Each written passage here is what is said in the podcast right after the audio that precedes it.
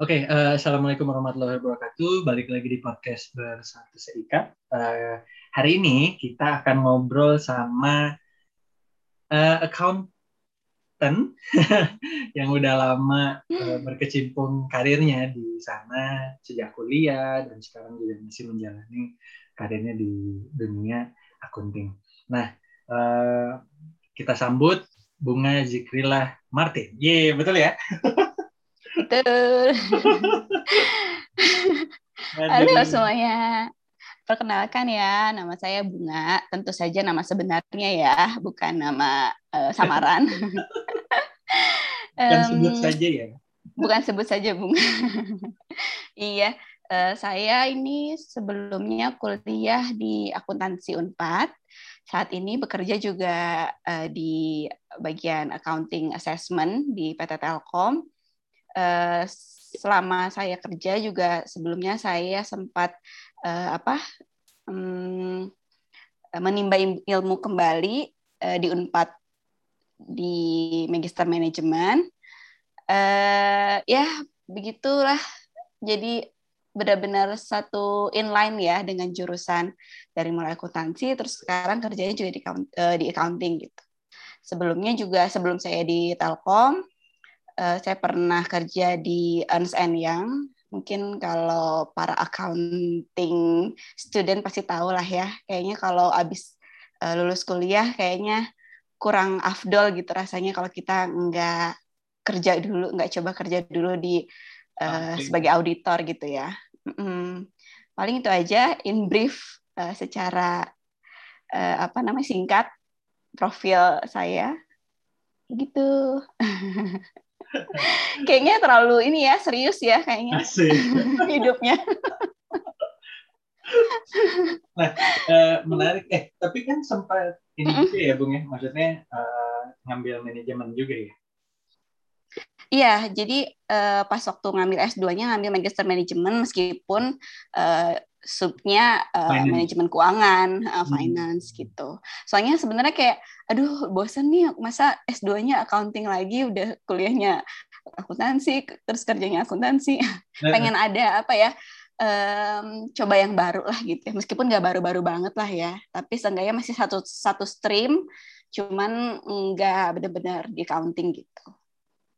Nah, waktu itu milih accounting karena keluarga ada accounting atau akhirnya terjebak gitu ya atau memang ini adalah mimpi waktu kecil yang ditulis di dinner aku mau jadi Aduh.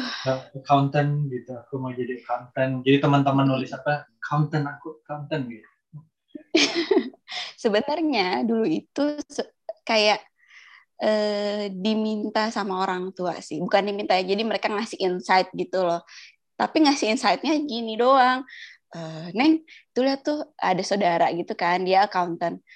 Uh, itu apa uh, teteh ini uh, di accounting terus sekarang sukses terus banyak uangnya kayaknya di accounting uh, bakalan sukses deh gitu. Dulu tuh kayak kayak cuman dikasih uh, apa namanya gambaran sesaat gitu doang. Terus waktu pas milih jurusan uh, waktu sekarang mah namanya apa sih? SMNPTN ya? Kalau dulu mah SPMB ya. Aduh jauh banget kelihatan ya.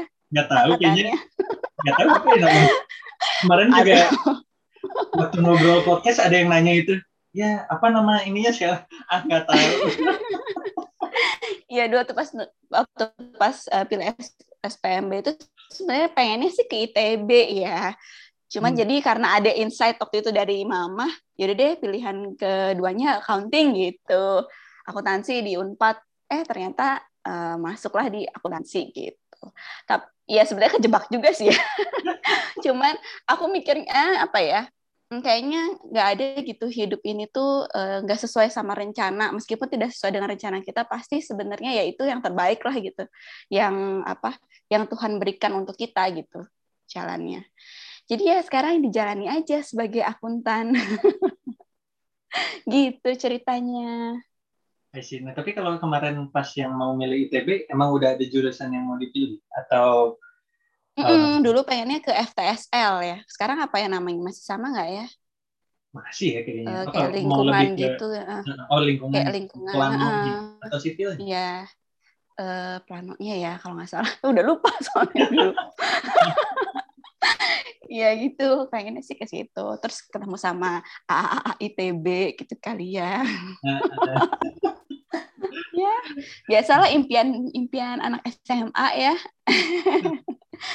Tapi akhirnya ya alhamdulillah kan berjalan. Terus juga mm uh, KAP salah satu KP besar kan itu. Mm -hmm, yeah. itu terus uh, berapa tahun di sana Uh, setahun aja, alhamdulillah.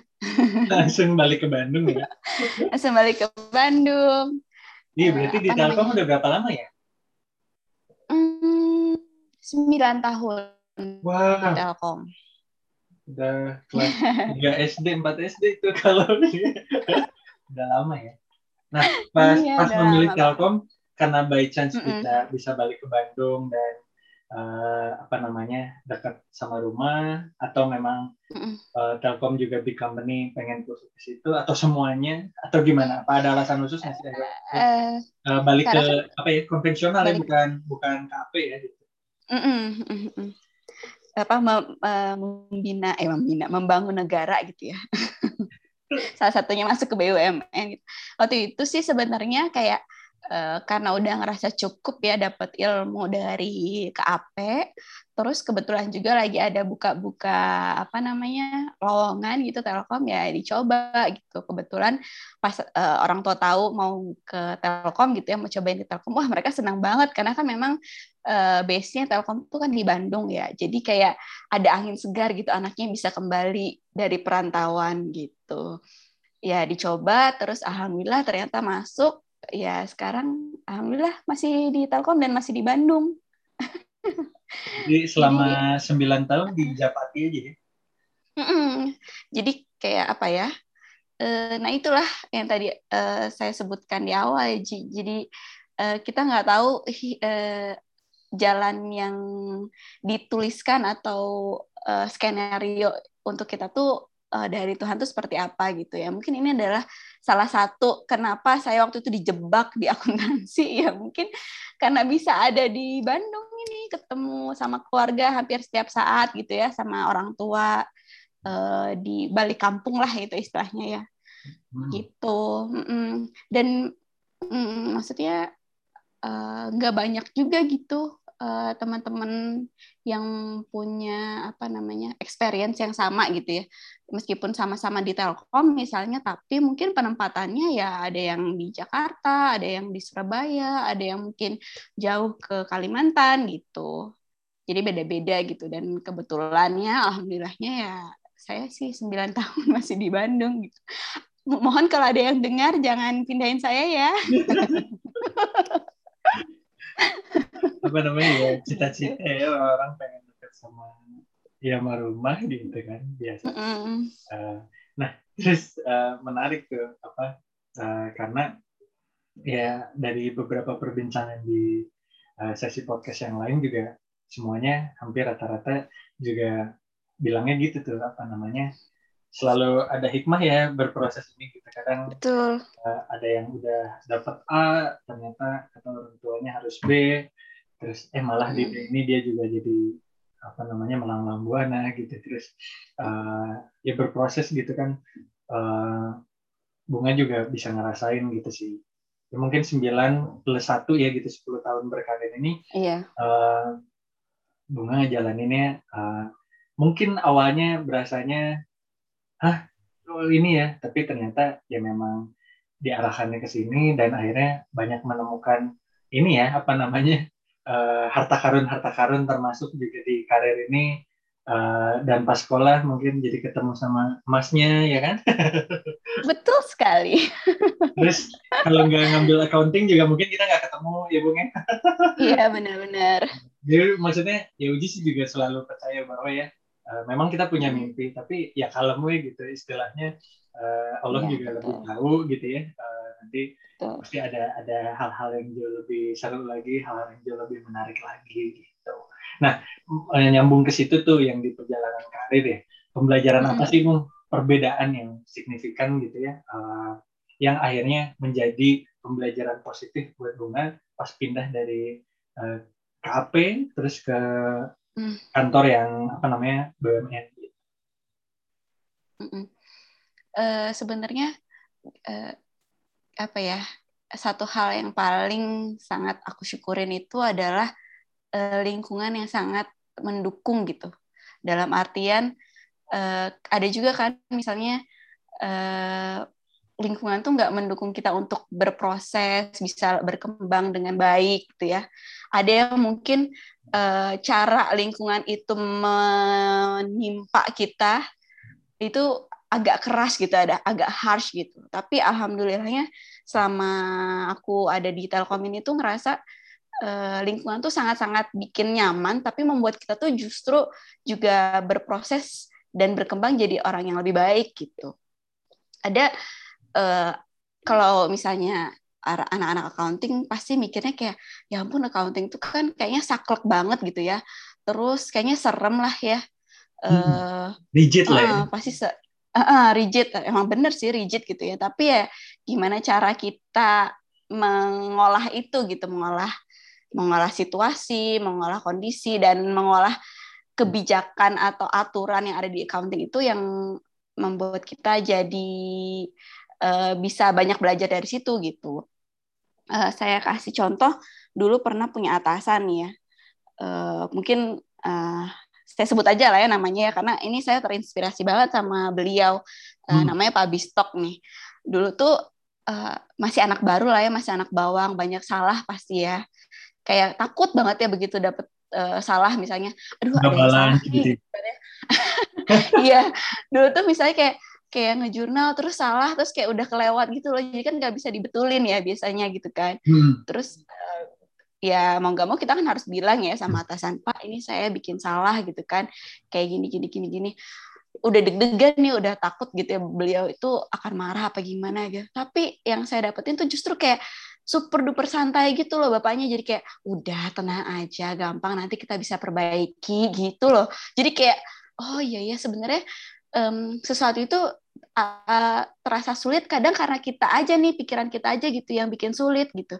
Kalau kitanya mungkin lebih santai lebih isi gitu ya ngelihatnya oh ya udah gampang nanti mungkin bisa kita ABC kan gitu ya. Terus nanti kita dapat pelajaran dari itu gitu dan jangan melakukan kesalahan. Itu kan intinya sebenarnya dari kalau kita membuat kesalahan gitu.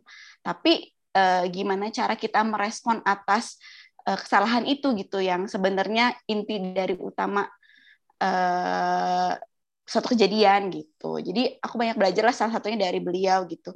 Oh oke okay, berarti nanti kalau ada sesuatu yang kayak gini lagi, kitanya juga harus tenang aja dulu gitu kan. Pun salah satu hal yang membuat aku merasa bahwa kayaknya berarti kalaupun nanti aku jadi atasan misalnya gitu ya punya bawahan gitu kan ya kalau misalnya mereka punya kesalahan ya nggak perlu kita kayak ya ampun gitu atau bisa harus marah-marah gitu kan ya uh, stay calm aja gitu. Cuman kasih tahu aja mereka salahnya apa harus kayak gimana ya udah gitu. Selama bisa diperbaiki ya it's okay gitu. Salah satunya itu sih Ji. Jadi ya sampai sekarang masih mencoba uh, apa namanya uh, banyak belajar lah gitu dari situ. Terus belajar. Gitu. Nah, terus akhirnya berjalan kan perpindahan itu tadi perpindahan. Mm -hmm. uh, culture lah gitu. Terus uh, Iya, betul.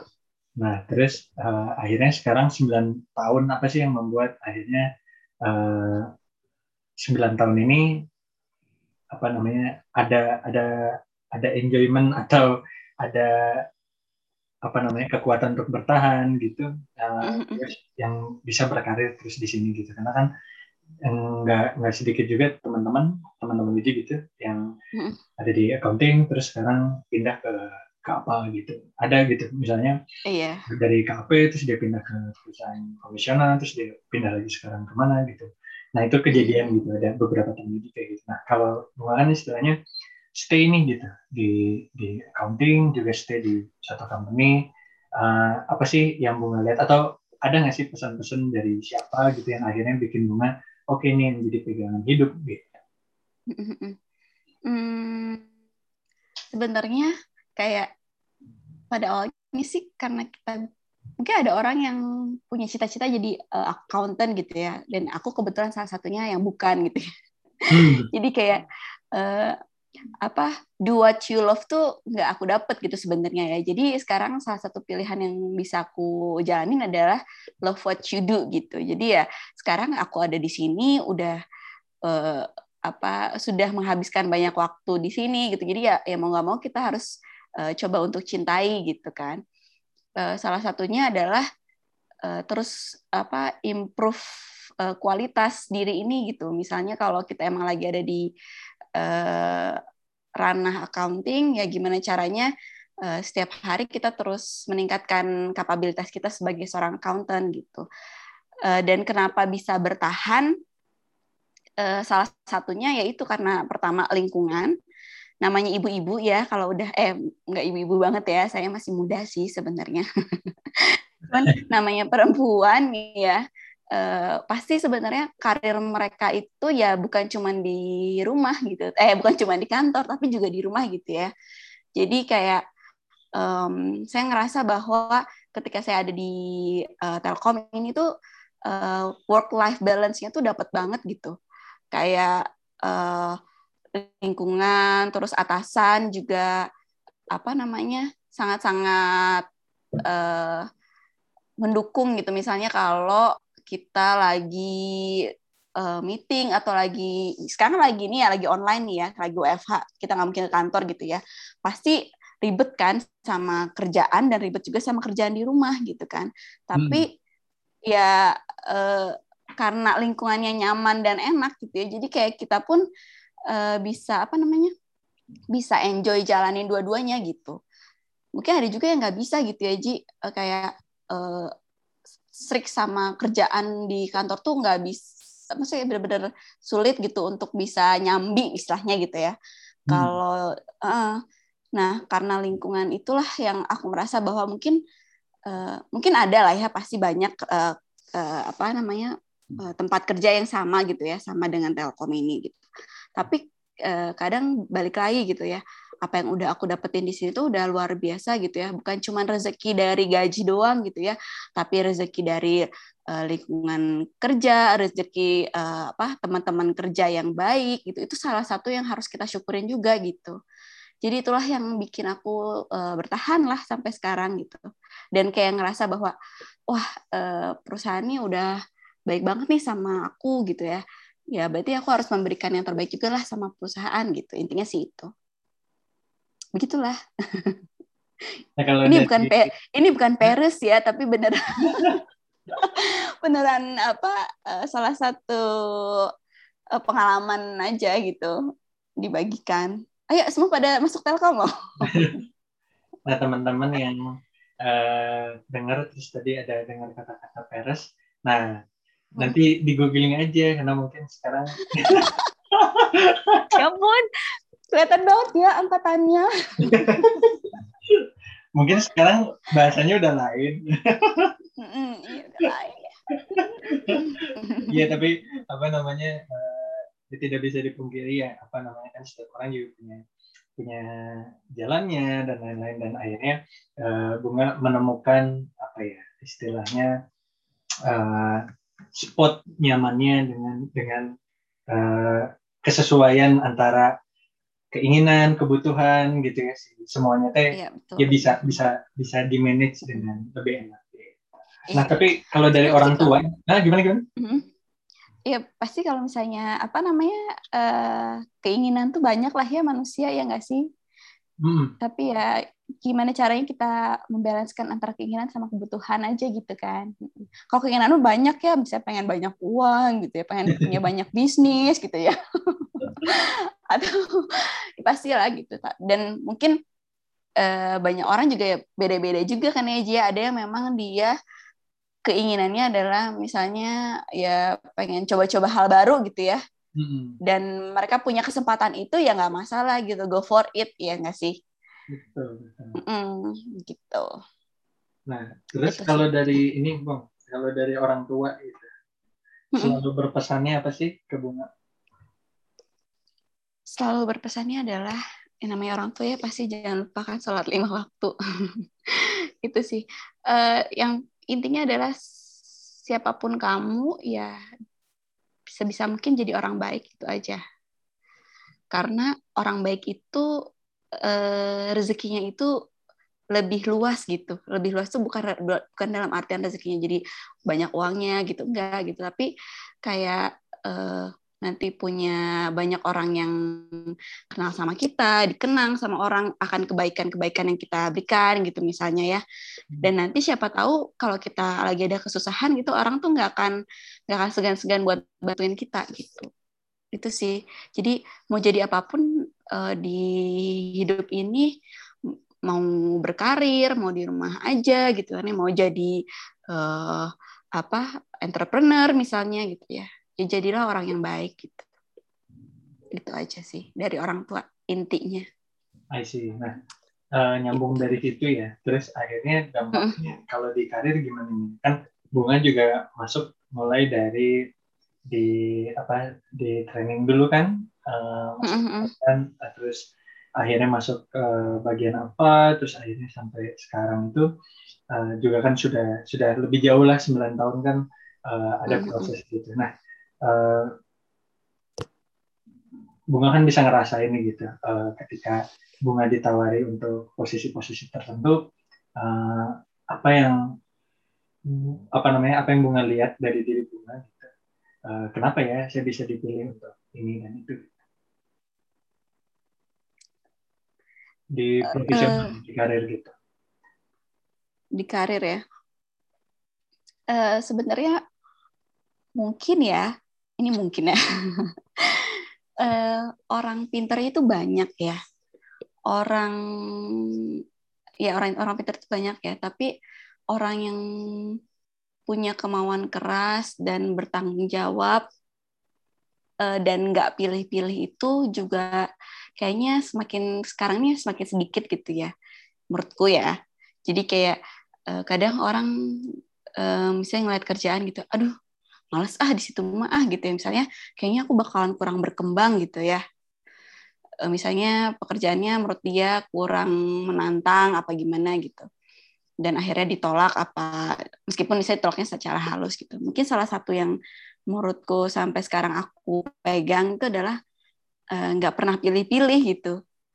Misalnya kalau ada kesempatan A dan bisa ditawarin gitu ya ya aku ambil gitu. Karena di mana pun kita ditempatin itu pasti banyaklah uh, ilmu-ilmu yang bisa kita dapat gitu. Bahkan ya misalnya uh, kan kebetulan nih uh, Telkom ini juga selain banyak anak mudanya juga pasti banyak yang uh, udah senior senior lah ya gitu ya hmm. dan uh, dan kadang saya kalau aku lihat gitu ya mungkin banyak juga yang ngerasa bahwa kayaknya kita lebih pinter gitu ya daripada senior gitu misal ya. Hmm. Padahal sebenarnya ya banyak banget mungkin ilmu-ilmu yang uh, mereka punya gitu yang bisa kita serap gitu. Jadi menurutku salah satu hal yang kuatnya gitu ya versi kuatnya di uh, diriku tuh ya salah satunya itu. Jadi kalau punya kesempatan apa pun ya jangan pilih-pilih gitu. Mau kita ditempatin di mana pun ya siap aja gitu. Bunga kamu di uh, di B ya siap gitu siap gitu lagi salah satunya ya karena pasti dapat banyak pengalaman lah dari situ nah terus biasanya wejangannya apa tuh kalau dari ketika ditempatkan di posisi yang baru uh, wejangan utamanya apa tuh biasanya wejangan pertamanya adalah jadikan kita ini itu adalah gelas yang kosong menurutku ya Kenapa? Kalau kita punya gelas yang sedikit terisi aja ya, atau setengah terisi, hmm. itu kita nggak akan dapat full apa yang ilmu-ilmu yang kita coba ambil dari posisi itu gitu. Atau adanya uh, sedikit-sedikit penolakan dari diri kita gitu, karena kita merasa kita punya uh, ilmunya lah gitu ya. Kita punya, ih bukan kayak gitu deh. Gitu. Biasanya kalau kita punya, kayak kalau kalau kita merasa ada uh, isinya gitu itu pasti adalah rasa-rasa penolakan itu. Tapi kalau kita mulai masuk ke dalam satu posisi baru dengan membawa diri kita adalah bawa gelas yang kosong, itu kita akan eh, apa namanya akan siap untuk dapat ilmu apa aja gitu.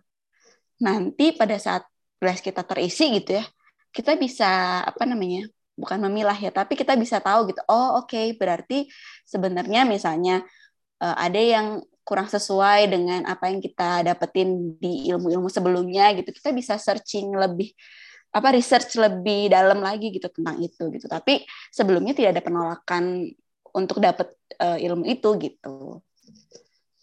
Hmm. Gitu sih. Jadi mm, pun dengan kita berinteraksi sama uh, rekan kerja gitu. Mau rekan kerja kita seumuran, di bawah kita atau bahkan lebih senior dari kita gitu. Ya harus harus bisa memposisikan diri aja gitu. Nah, menarik gitu, tuh. Uh, menarik. Mm. Jadi ini kan perusahaan juga uh, apa ya range-nya kan besar banget ya si usianya gitu. Uh, akhirnya tidak bisa dipungkiri kita akan berhadapan sama berlatar belakang apa orang-orang latar belakang berbeda, usia udah jelas pasti akan berbeda gitu. Nah, kalau dari bunga sendiri selama ini uh, ber komunikasinya, approach-nya kayak gimana nih? Apalagi ke mereka-mereka hmm. yang mungkin lebih senior gitu, tapi bunga uh, mungkin secara struktural bunga lebih tinggi gitu dan uh, apa namanya? Bagaimana handle itu? Hmm, salah satunya sih menurutku ya uh, kita ilangin boundaries itu gitu. Jadi uh, sebisa mungkin kayak jadi teman aja kali ya salah satunya ya karena approach kita terhadap orang itu beda-beda ya ada yang mungkin uh, harus kayak teman ada yang mungkin harus memang seperti uh, rekan kerja gitu jadi salah satu yang harus dilihat adalah kita uh, apa namanya um, uh, pahami dulu gitu ya uh, rekan kerja kita tersebut tuh sebenarnya orangnya seperti apa gitu itu nanti yang harus kita gali gitu. Nanti dari situ uh, kita bisa tahu oke okay, berarti kita nih cocoknya kalau sama dia ngobrolnya apa ya gitu atau enggak kalau sama dia cara untuk minta tolongnya seperti apa ya gitu. Ada yang misalnya uh, orang diminta tolong ya sukanya to the point gitu. Kamu tolongin ABC ya gitu. Ada yang mungkin uh, approach-nya adalah kita ngobrol ngalor ngidul dulu gitu baru kita bisa uh, minta tolong gitu sama dia. Jadi ya memang beda-beda kan pasti ya uh, teman kerja tuh kayak gimana gitu. Pinter-pinter kita aja sih ngelihat uh, harus kayak gimana ke mereka gitu approach-nya. Ya karena kan kalau gitu. di perkuliahan mungkin dulu yaudah aja angkatan atas sudah pasti jadi istilahnya quote unquote bosnya lah. ya. Tapi kalau dunia kerja kan nggak seperti itu mm. kita akan berhadapan. Iya. Yang kan dunia mm. kerja lah di bermasyarakat juga kita ngadepin random ya gitu orang gitu. Betul. Nah, Bu, uh, mm-hmm. udah di penghujung kita mau uh, Wah, nggak kerasa ya? Gak kerasa. Boleh nambah nggak? Nanti ada sesi berikutnya khusus uh, accounting 101. Aduh, berat deh. Ini apa namanya? Kita bahas itu apa standar akuntansi nanti kita ya Allah. kita belajar nanti pada tidur Ji. Pada tidur. Uh, nanti teman-teman dicek debitnya kreditnya coba gitu ya. Jangan sampai balance eh jangan sampai nggak balance ya. Tapi aja dulu pas kuliah itu ya. Finance. Waduh. Uh, sempat pas lagi UTS tuh. Tak tak tak tak tak tak. Uh, ya lima menit lagi ya. Set. Mas di akhir di tengah nggak balance. Ya udahlah Aduh. Selesai tidak selesai tolong kumpulkan gitu ya. Iya. Balance nggak balance tolong kumpulkan. Iya kan, 5 menit lagi juga percuma mau ngecek apa gitu kan. Maafkan ya, aja kan bisa di bisa didiskusikan lah nanti. eh, Bung iya. terakhir uh, ini buat uh, adik-adik gitu uh, yang mau berkecimpung di uh, dunia akuntansi biar bisa apalagi yang mereka mau serius gitu di akuntansinya mm pasti yang perlu dipersiapkan gitu uh, biar ada basic-basicnya ini bisa dipersiapkan lebih awal gitu. sama yang kedua kalau misalnya uh, kaitannya sama teman-teman yang punya bisnis nih kalau mereka mau belajar accounting kan kayaknya aduh mulai dari mana ya Nah, sesimpel itu aja mulai dari mana ya biar bisa uh, memahami seluk beluk yang lebih dalam lagi. Gitu bang. Oke, kalau untuk adik-adik di rumah yang yang uh, lagi bingung nih, misalnya uh, nanti uh, abis kuliah akuntansi mau ke mana dan ngapain gitu ya. Sebenarnya mungkin salah satu hal yang kalau bisa dicoba itu yang pertama masuk ke AP karena di sana uh, memang apa namanya ilmu yang dapat banyak banget lah ya di sana. Meskipun pasti ada trade off ya. Trade offnya adalah ya waktu kalian sangat-sangat tersita gitu. Kayak ya udahlah pasti kebayang ya nanti bisa pulang malam atau ngerjain sampai pagi-pagi buta gitu terus habis itu nanti lanjut misalnya ada meeting sama klien kayak gitu. Tapi uh, worth the pain lah ya menurutku. Jadi kalau bisa masuk ke AP ya masuk dulu ke AP untuk cari pengalaman. Atau kalau misalnya memang mau berkarir di sana juga lebih baik gitu. Karena eh, apa kayaknya sedikit juga sih yang punya rencana gitu untuk berkarir di KP sampai jadi partner gitu. Itu baik juga. Terus yang kedua menurutku adalah investasi di diri sendiri. Salah satunya eh, selain kita jadi misalnya kalau habis lulus kan kita cuma dapat sekarang tuh cuma dapat uh, gelar SE gitu ya.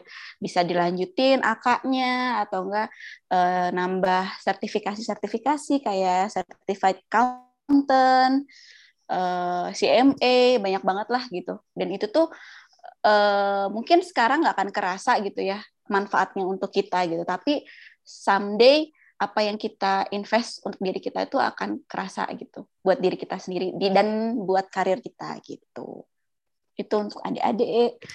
Kalau tadi apa Ji? Lupa kan? Yang kalau untuk yang ini ya nah, uh, yang, yang bisnis ya. gitu.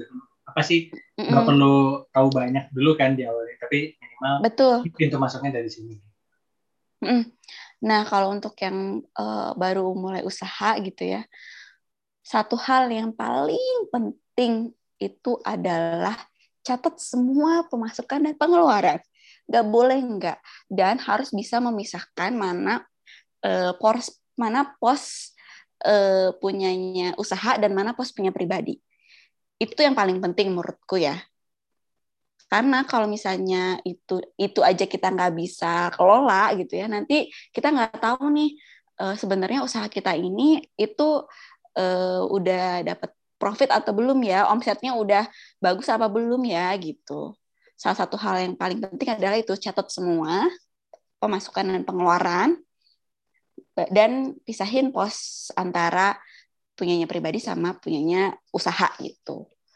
Nanti baru ke depannya kalau misalnya udah bisa tuh mengelola itu bisa nanti eh, apa belajar basic pencatatan akuntansi yang basic aja gitu. Misalnya ya kalau kita ngeluarin eh kita dapat barang apa yang kita keluarin gitu kan? Pasti uang gitu yang kayak gitu sih itu kan basic banget ya berarti kalau kita mau bikin jurnal akuntansi berarti kan beban pada kas jadi belajar akuntansi nih kita gitu paling itu aja sih Ji kalau untuk yang basic banget ya gitu tapi yeah. kayaknya iya. sekarang banyak juga sih kalau misalnya kalian mau yang baru punya usaha gitu ya kayaknya banyak aplikasi yang memudahkan uh, dalam pencatatan usaha kalian di App Store kayak gitu mm -hmm. bisa pakai itu coba gitu Iya. Yeah. Itu.